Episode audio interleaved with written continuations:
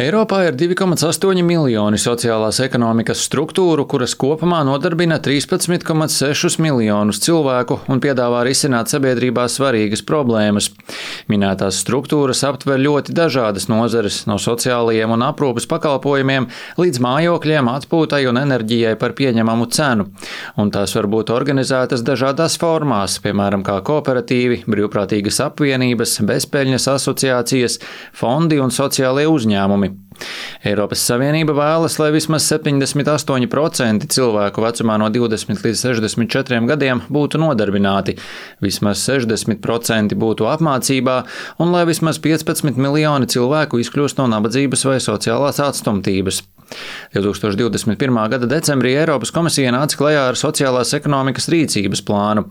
Saskaņā ar to komisija šonadēļ prezentēja priekšlikumus sociālās ekonomikas atbalstam, norādot, ka sociālajā ekonomikā par prioritāti ir jābūt nevis peļņai, bet gan cilvēkiem, kā arī sociālajiem un vidas mērķiem.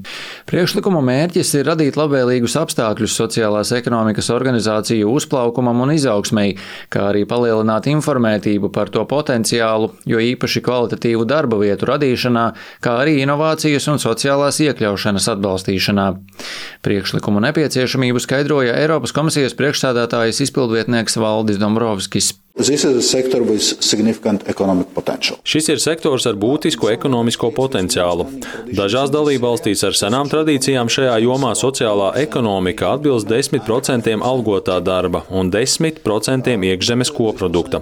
Bet šis potenciāls netiek pilnībā izmantots. Tādēļ mēs nākam klajā ar vadlīnijām dalībvalstīm, kā tām veicināt sociālo ekonomiku dažādās politikas jomās un tiesiskajā regulējumā. Pašlaik vairāk nekā puse dalībvalstu ir ieviesušas sistēmas, lai atbalstītu sociālo ekonomiku, tomēr starp dalībvalstīm tā ir nevienmērīgi attīstīta. Komisija, piemēram, aicina izstrādāt darba tirgus rīcību politikas, kas atbalsta darba ņēmējus sociālajos uzņēmumos, veicina sociālo uzņēmējdarbību un nodrošina taisnīgus darba apstākļus. Tāpat dalībvalstis tiek aicinātas nodrošināt pieejamus un kvalitatīvus sociālos un aprūpas pakalpojumus un mājokļus, jo īpaši nelabvēlīgā situācijā esošām grupām. Tieši palīdzību vismazāk aizsargātajām sabiedrības grupām izcēla darba un sociālo tiesību komisārs Nikolā Šmits.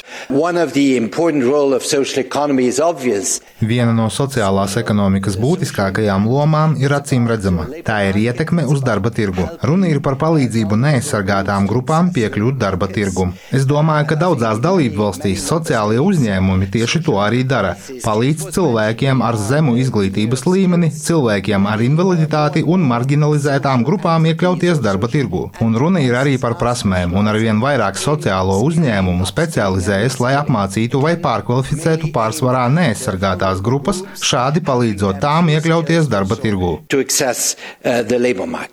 Komisijas ieskatā būtu jāuzlabo arī piekļuve publiskajam un privātajam finansējumam, tā skaitā Eiropas Savienības fondiem. Turklāt komisija arī iesaka dalībvalstīm optimāli izmantot pieejamo Eiropas Savienības finansējumu no dažādām programmām, kas palīdzēs dalībvalstīm veicināt sociālo ekonomiku. Komisija arī prezentējusi sociālās ekonomikas vārteju, proti tīmekļa vietni, kas sociālās ekonomikas struktūrām sniedz informāciju par Eiropas Savienības finansējumu, apmācības iespējām, pasākumiem, informāciju par konkrētām valstīm un par to, kur iegūt papildu resursus. Rihards Plūme, Latvijas radio.